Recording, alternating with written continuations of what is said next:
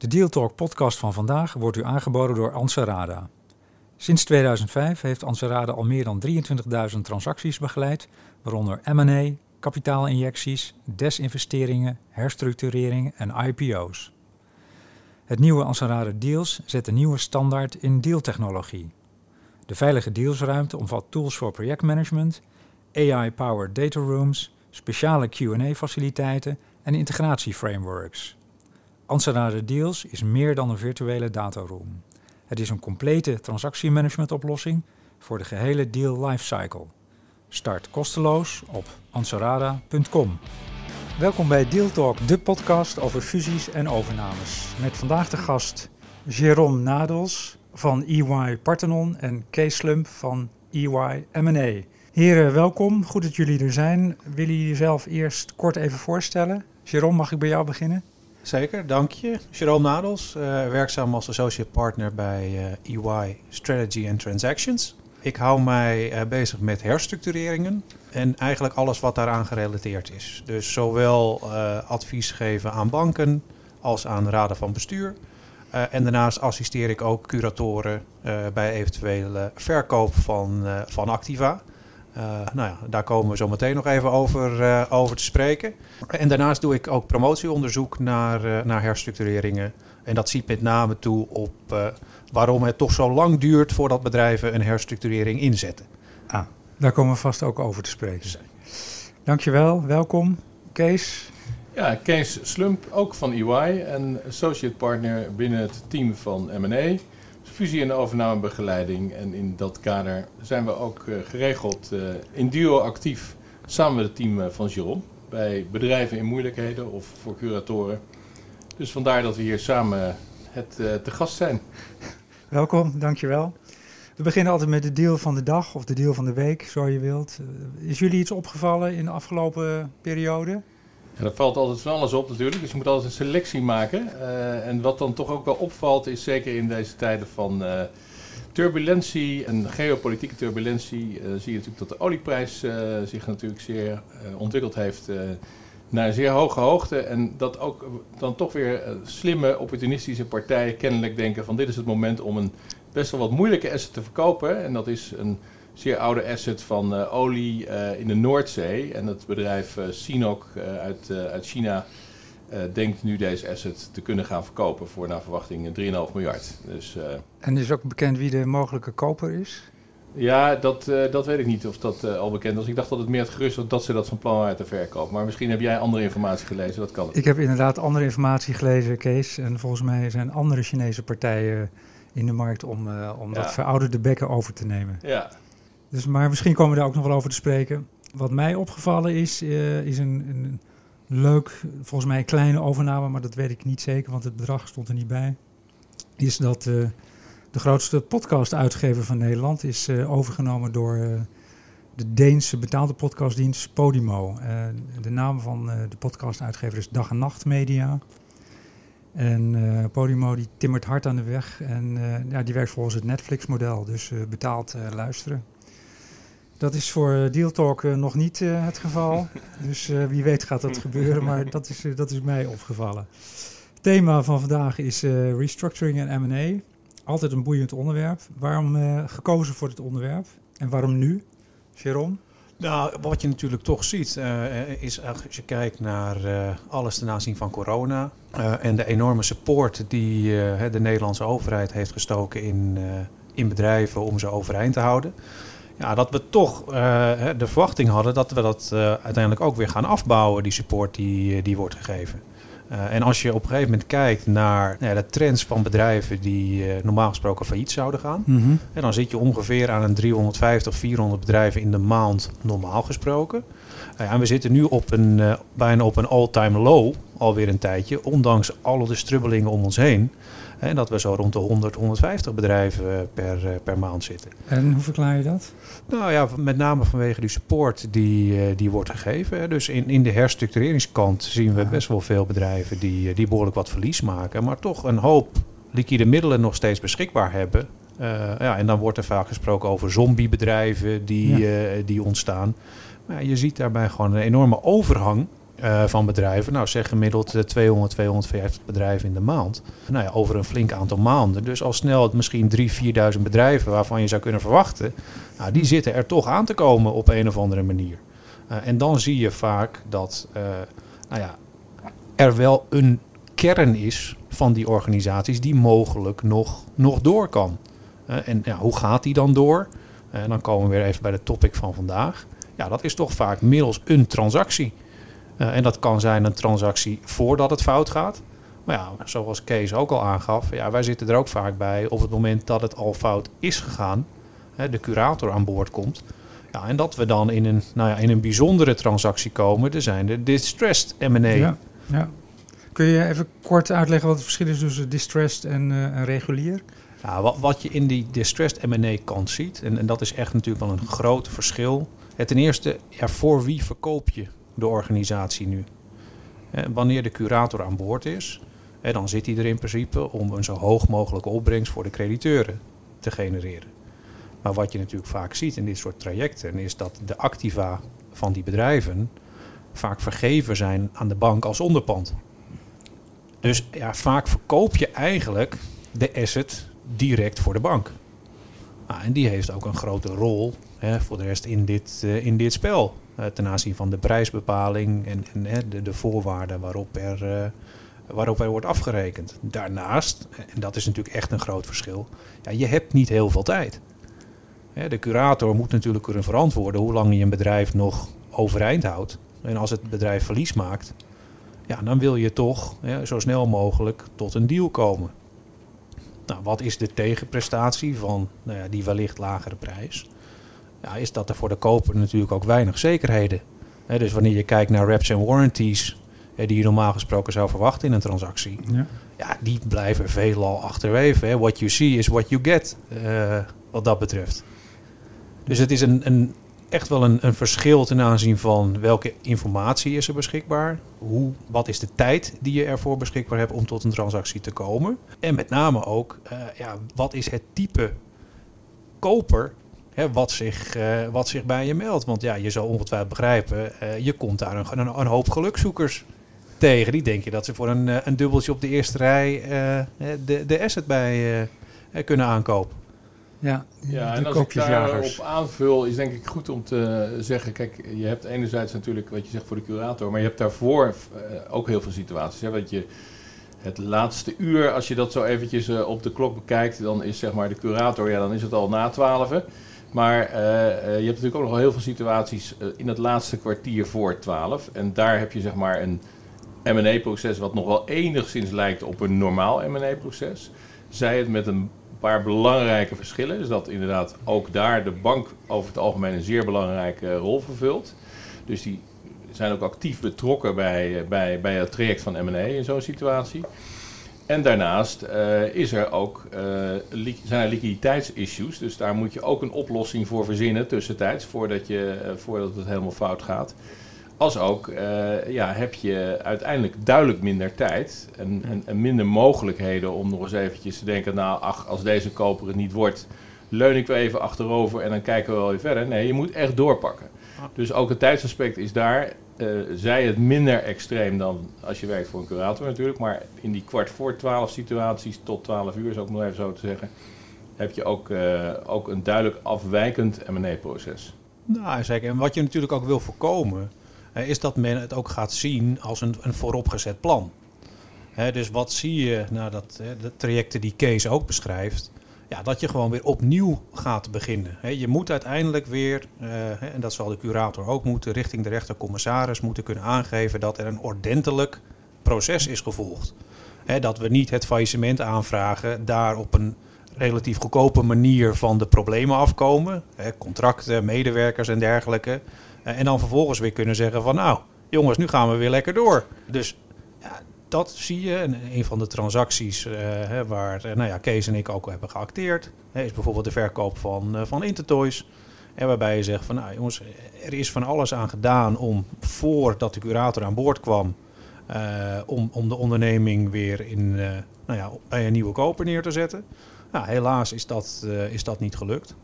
Ja, en dan wordt er gewoon weer een compleet nieuw proces opgezet En waarbij we weer naar de markt toe gaan om te zoeken naar, naar partijen. En er wordt een dataroom in ingericht. Maar ja, die datarooms zijn vaak ja, wat minder volledig, wat minder uitgebreid. Uh, gewoonweg omdat we nou ja, de tijd niet hebben um, om, nou ja, zoals Kees ook al zei, achterover te leunen en zeggen van nou jongens, laat het eens op ons afkomen. Nou, laat ons, dat doen we natuurlijk niet, het op ons af laten komen. We houden wel van goed geregisseerde processen voor alle duidelijkheid. Ja. Maar het is wel zo dat je, je moet verkopen. Je moet ja. een deal doen. Daar waar je in andere situaties altijd een alternatieve keuze hebt, dan, dan doen we op dit moment geen deal. En dat komt natuurlijk in de praktijk best vaak voor. Hè? Stel dat er omstandigheden zijn, bijvoorbeeld nu, stel dat je een energie, dat, dat weten we ook uit eigen praktijk, een energie-intensief bedrijf aan het verkopen bent en de energieprijzen gaan door het dak, ja, dan kan het wel de timing ongelukkig zijn. Nou, wacht, we wachten wel. Maar als dat betekent dat dat desbetreffende energie-intensieve bedrijf heel snel richting grote problemen uh, beweegt, ja, dan moet je dus handelen. En dat is een heel groot verschil. En en ja, dat alternatief van het niet doen van een deal is altijd wel een hele rustgevende gedachte in een regulier M&A-proces. En dat heb je hier dus niet. Ja. Die, uh, die marktsituatie die jullie beschrijven, geldt die alleen voor Nederland? Of, zie je verschillen met uh, zeg België of Duitsland? Nee, kijk, wat dat betreft uh, zitten daar inderdaad niet, niet heel veel verschillen tussen. Ik denk dat als je kijkt naar de markt, de Europese markt en, de, de, kopers die daarin zitten, natuurlijk enorm veel private equity partijen die daar naar, naar kijken. Heel veel van die partijen ja, melden zich, en dat zal niet alleen bij mij zijn, denk ik, maar ook bij Kees, veelvuldig. Ja, of ze wellicht uit een distress situatie die loopt, ja, of zij daar een mooi pareltje uit kunnen halen wat dat betreft. Als onderdeel van nou ja, de, de herstructurering. En die zijn allemaal Europees georiënteerd. Dus uh, ik kan me voorstellen dat die markt niet lokaal meer is. Nou, kijk, je hebt natuurlijk wat meer de, de Nederlandse hands-on private equity partijen. Maar ja, heel veel Duitse, Engelse... Vooral veel Duitse wel mij altijd op. Hè? Dat vind ik altijd opmerkelijk. Die, uh... Hoe verklaar je dat? Ja, ik heb daar nooit een hele grote verklaring voor. Maar anders dan er misschien in, in Duitsland echt wel heel veel van die, meer van die traditionele industriebedrijven zijn. Waar, waar, waar gewoon, uh, ja, daar is ook waarschijnlijk nog echt wel heel wat beter iets te herstructureren. We zijn zelf ook nog met zo'n zaak bezig op dit moment. Nederlandse industrieel uh, bedrijf. En dan, dat is toch een ander soort dan wanneer je bijvoorbeeld een servicesclub bent. Ja, weet je, als dat, uh, en, en, dat zie je natuurlijk nu ook. Wij zijn natuurlijk veel onze, onze in, in, aantal van industriële bedrijven die ook een hoog energieverbruik hebben, dat in, is Nederland bijvoorbeeld veel lager dan bijvoorbeeld in Duitsland. Dus, dus uh, dat gaat ook nu uh, issues hebben, going forward, op, op die restructuring van de restructuring die in de markt gaat plaatsvinden. Omdat ja, die bedrijven vooral geraakt zijn. Nou, wat je natuurlijk zag, Kees, ook in, in het verleden, is dat veel van die Duitse partijen, de Mutaris, de uh, de Aurelius, nou ja, eh, noem ze allemaal maar, maar op, waren natuurlijk primair gefocust op die grote Duitse conglomeraten. Ja, en daar zaten heel vaak ja, undermanaged, underloved assets in. Uh, ja, die zij dan, dan opkochten uit het, uh, uit het geheel. En, en die dan vervolgens proberen te herstructureren en dan vervolgens weer door te verkopen. Dus daarmee zag je dat die partijen zich steeds breder gingen oriënteren. En dat zien we nog steeds. Dat die ook uh, nou ja, in veel Europese landen kantoren aan het op te zetten zijn. En dat is ook de primaire vraag die wij vaak krijgen van die partijen. Ja, dat ze op zoek zijn naar dat soort assets om over te nemen. Is, is dat proces zelf ook veranderd? Is het, uh, ervaar je meer tijdsdruk dan zeg tien jaar geleden? Omdat de, de, de, wereld uh, sneller gaat, is mijn perceptie althans. Nou, je ziet wel dat partijen natuurlijk steeds professioneler worden in dit soort.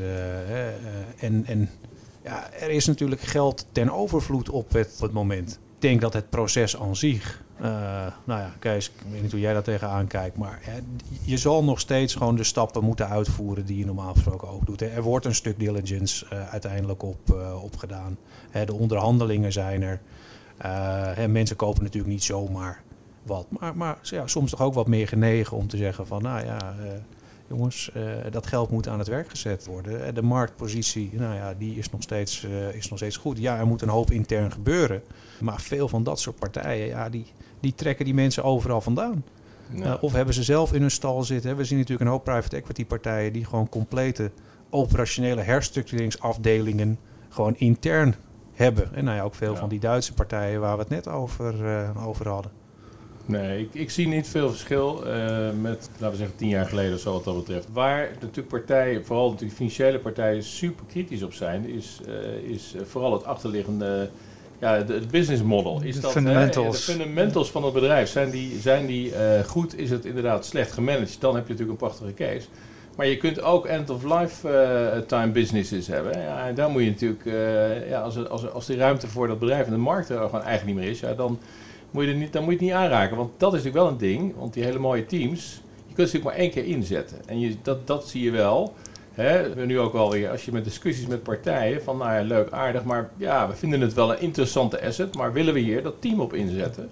Nee, dan gaan we toch wachten tot een nog mooiere asset of met, met meer uh, value creation potential voorbij komt. Hè. Dus, dus men is ook kritisch, uh, blijft ook gewoon kritisch, zoals private equity altijd kritisch is. Dus, uh, op, uh, en terecht op, op waar ze op in willen zetten.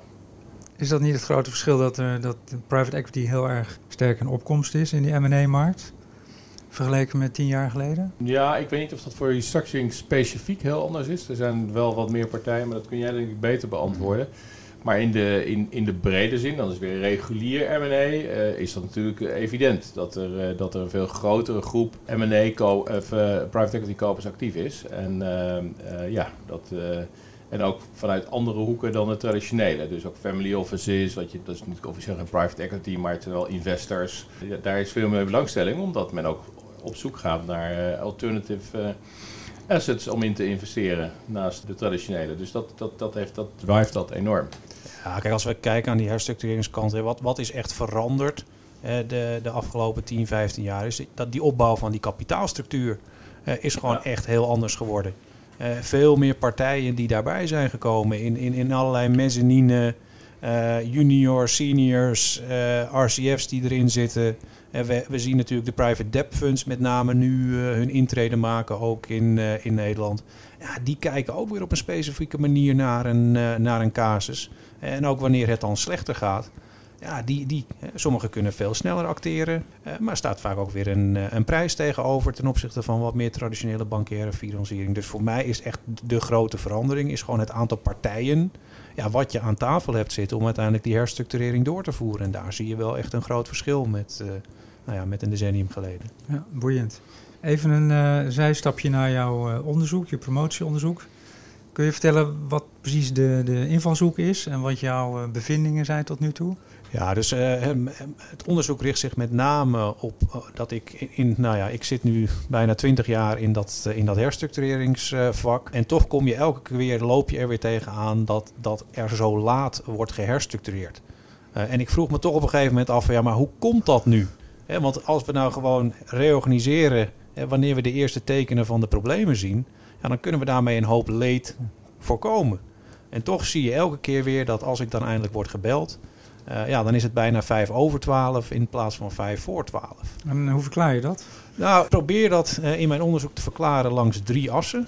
Uh, aan de eerste kant te kijken, nou ja, wat, wat zegt het, het juridisch kader nu? Waarbinnen je kan, kan reorganiseren. En dan zie je dat het juridische kader eigenlijk nou ja, vrij laat toestaat dat je significant kan ingrijpen. En waar komt dat nu door? Ja, omdat wanneer je aan de rechten van crediteuren gaat sleutelen, hè, bijvoorbeeld met de nieuwe WOA, de wet herstructurering onderhandsakkoord die we nu hebben, ja, die zegt, ja, voordat je aan contractuele rechten gaat sleutelen van partijen, hè, dat ik zeg van nou, ik heb eigenlijk 100 van je te goed, maar ik ga dat met de helft verminderen als, nou ja, het twee derde van, uh, van de schuldeisers daarmee akkoord is. Ja, dat is natuurlijk nogal wat dat je dat gaat doen. Dus de wet zegt, nou, dat mag je enkel doen als je in principe geen ander uitzicht hebt dan faillissement. Want anders vinden we het niet hè, rechtvaardig dat erop wordt ingegrepen. Ja, als je al richting dat traject gaat, ja, dan heb je niet zoveel tijd meer. Hè, want het reorganiseren van een organisatie, uh, ja, dat brengt gewoon heel veel tijd met zich mee. En, en die financiële kant van het verhaal ja, is natuurlijk maar één onderdeel. Hè. Financiën is het resultante van alles wat daarvoor gebeurt. Dus dat is het tweede stuk van het, bedrijf, van, van het onderzoek.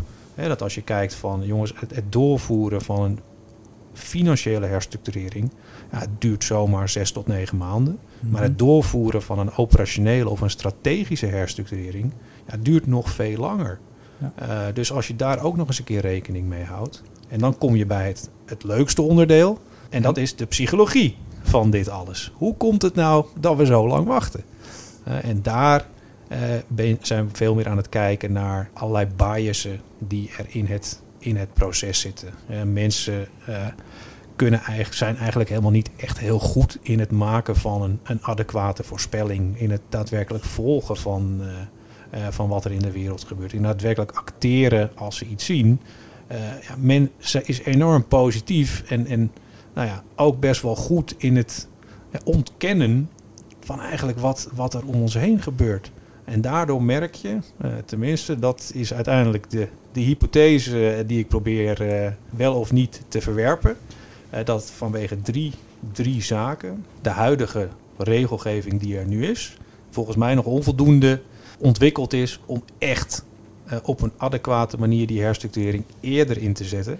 met ook een evenwichtige verdeling tussen de verschillende stakeholders. Nou, je hebt je onderzoek uh, goed verkocht hier. Uh, nou ja, ik denk misschien een aanvulling daarop. Ik denk dat management ook een hele belangrijke rol heeft. We kennen natuurlijk de verhalen van een start-up heeft een bepaald management nodig. En dan ga je naar de scale-up en heb je hier een ander soort management nodig. Maar wat we eigenlijk wij onderbelicht blijft, is dat je natuurlijk in, in, als een bedrijf de andere kant op draait. Dus niet als een razende blijft doorgroeien, maar gewoon juist eigenlijk in de krimp, krimp gaat. Uh, dat ook dat management vervangen moet worden door een ander soort team dat dat veel beter aan kan. En, uh, en dat zie je natuurlijk in de praktijk ook niet gebeuren. Wat volgens mij ook mede, uh, dat kun je mooi onderzoeken in je onderzoek uh, dan, kun je meenemen. dat volgens mij ook gewoon daardoor dat uitstelgedrag ontstaat. Omdat eigenlijk het verkeerde management zit bij het type bedrijf in de staat waar het dan verkeert. Dus nou, misschien nog een leuke extra... Uh, Dank daarvoor, Kees. Leuke, leuke, appendix, ja. appendix bij je onderzoek. De vierde as, hè? ja, nee, ik zal er een, een, mooie noot aan toevoegen, Kees, dat die inspiratie bij jou, uh, bij jou vandaan is gekomen. Intellectueel eigendom bij Kees. hebben, jullie, hebben jullie nog een, een, relevante volgende vraag? Nou, ik kan me voorstellen dat het misschien aardig is om... want we hebben het wel gehad over waarom er nu relatief weinig activiteit is. Hè? Die, die 100, 150 versus de 350, 400 bedrijven per, uh, per maand uh, in faillissement raakt. En ja, wij hebben natuurlijk vaak ook wel intern van, goh, wanneer gaat dat nou tussen aanhalingstekentjes los? Op zich natuurlijk heel vervelend, faillissementen. Aan de andere kant, uh, ja, het is ook onderdeel van het economische proces. Um, ja, en dan, we hebben nu corona gehad en verwacht je, ja, in ieder geval wat nu met energiecrisis, laat het dan maar even zo noemen. Ja, dat, gaat, dat kan toch ook bijna niet anders dan ook zeer serieuze gevolgen hebben voor bedrijven die nou, we hebben natuurlijk al een paar gezien, eh, puur in de, in de sfeer van, uh, van providers van, van energieleveranciers en dat soort dingen. Maar dat is toch een, dat is een relatief kleine groep natuurlijk. Maar ik denk vooral energie-intensieve bedrijven krijgen het denk ik heel zwaar te verduren. En uh, ja, ik denk niet dat de overheid nu al tel, telkens maar weer gaat inspringen. Dus in die zin verwachten wij dan toch ook wel weer dat het uh, toch wel eens de andere kant op zou kunnen gaan draaien. Maar dat is alleen, dat zeggen we dan wel, maar we weten nooit precies wanneer het gaat gebeuren. Dus het is. Uh, ja, we hebben er met corona zaten we natuurlijk allemaal mis. Ja. Twee, tweeënhalf jaar geleden. Hè. We zagen ja. dat op een gegeven moment gebeuren. En, en toen dachten wij ook, en, en ook op basis van uh, de, de bankiers die we spraken en andere partijen, van nou jongens, bereid je voor op wat gaat komen. Hè, we zagen dat die bijzonder beheerbankiers aan het opschalen waren. En nou ja, ook aan onze kant waren we, waren we aan het kijken. Ja, en op een gegeven moment zag je dat normaal gesproken de triggers die ervoor zorgen hè, dat partijen zoals de onze uiteindelijk toch het, het drukken gaan, eh, gaan krijgen, dat die feitelijk door de overheid ja, allemaal buiten werking werden, werden gesteld. Uh, dat heeft ervoor gezorgd dat we natuurlijk nu een enorme belasting. Uh, schuld hebben opgebouwd met elkaar. Bedragen die, die rond de 20, 25 miljard liggen van, van opgebouwde schuld. Nou, die mogen over een flink lange periode worden terugbetaald. Hè. Vijf, zes jaar is in principe daar niet, uh, niet ongewoon. Maar ja, de, de hoos aan activiteit die we dachten dat er zouden komen, ja, die, die is niet gekomen. En, nou ja, Kees, wat jij ook al zegt, uh, een voorspelling doen uh, vandaag de dag is, is lastig, want we hebben er allemaal naast gezeten. Maar we, we zien een beetje, zeg maar, vier thema's uh, die in veel van de gesprekken naar voren ja. komen, die, die nu toch wel uh, ja, daarvan wat denken dat er toch wel de drivers worden. En welke zijn dat? Ja, dat is, dat is uh, in de eerste plaats die inflatie. Als we nu kijken, Kees, ik weet dat jij daar uitvoerig over hebt geteld in een, in een vorige podcast. En anders moeten de luisteraars daar nog maar eens even naar, naar kijken. Als je nu hoort dat, dat prijzen 10, 12 procent zijn, zijn gestegen. En met ook nog niet echt zicht op minder ja, als, als die impact die je natuurlijk daarvan krijgt op je marge uiteindelijk, als je dat niet weg kan zetten bij je consumenten, ja, dat zijn natuurlijk gigantische bedragen.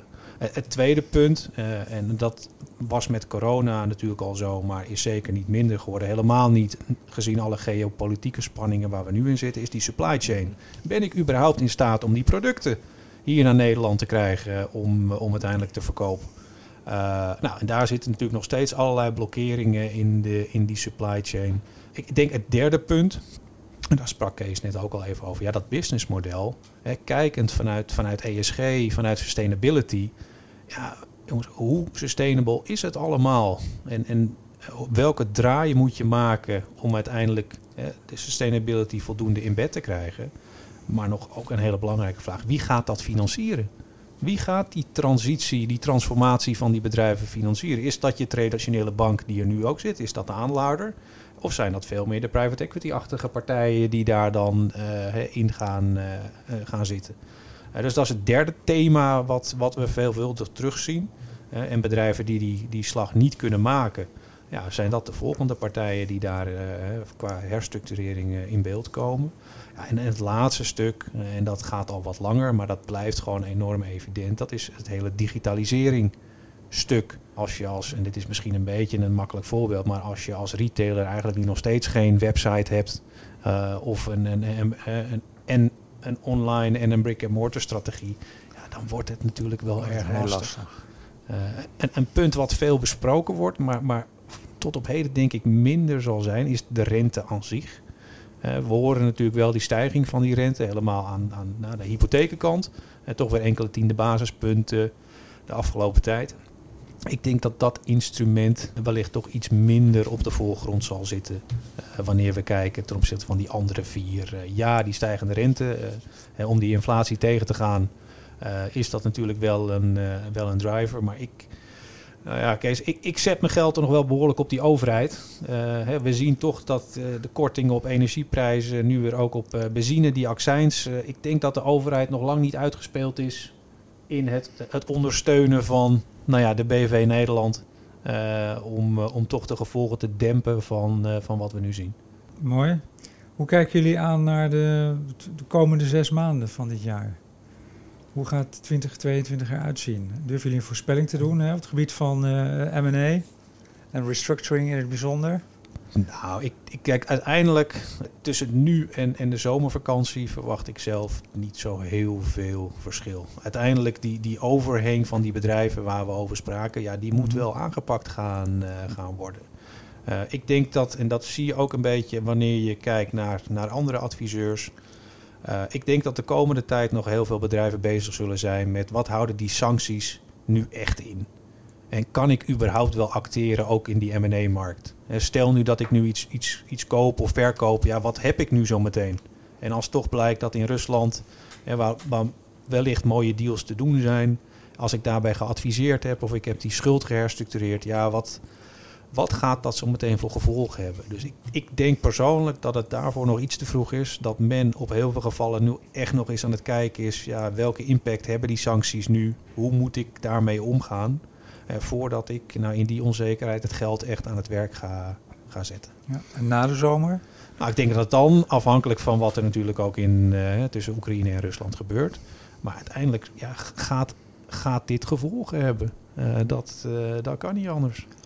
Dus, uh, maar nogmaals, laat ik voorzichtig zijn, want met corona zaten we er helemaal naast. Nou, ik denk, uh, tuurlijk, maar ik denk dat een aantal dingen zal zeker een, een, rol gaan spelen. Bijvoorbeeld bedrijven die met relatief veel leverage in die, laten we zeggen, uh, takken van sport zitten langs de vier thema's die, uh, die Jerome net noemde. Ja, dan kan het vrij snel gaan knellen en dan heb je dus wel loop je zeker risico's dat je in een restructuring terecht gaat komen. En in de M&A-markt zelf, dus de reguliere M&A-markt, ja, dat is altijd koffiedik kijken. Maar gaan we dat toch een heel klein beetje doen, dan is daar natuurlijk vooral de grote vraag is, hoe blijft met die stijgende rente uh, de financiering uh, liggen? Schuine hoe, hoe blijft de debt multiples liggen?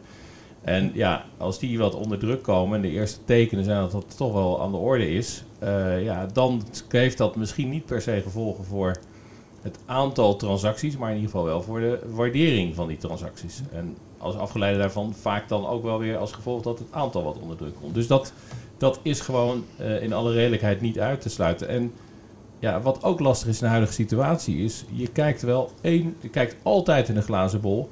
Maar de ene keer heb je toch het gevoel dat je er iets meer in ziet dan het andere. En ja, we zitten nu wel in de situatie van de andere glazen bol. Dus dat vind ik toch ook wel een, een dat is gewoon lastig. Als je overnemen is ook gewoon strategie vooruitkijken, doorgronden. Dat helpt gewoon allemaal niet.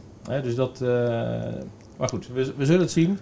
En uh, er zitten er uh, in de praktijk altijd, zijn voorspellingen toch altijd heel erg lastig gebleken. Dus zeker op de M&A en de restructuringmarkt. Dus wat dat betreft is het altijd goed om te vragen, maar we spreken elkaar wel weer tegen de kerst. Precies. Van harte welkom zo tegen de kerst, heren. Hartelijk dank voor jullie komst en jullie bijdrage en graag tot de volgende keer. Dank graag gedaan. Graag gedaan. U heeft geluisterd naar Deal Talk. De Deal Talk podcast van vandaag wordt u aangeboden door Ansarada. Ansarada Deals is meer dan een virtuele dataroom. Het is een complete transactiemanagement oplossing voor de gehele deal lifecycle. Start kosteloos op ansarada.com.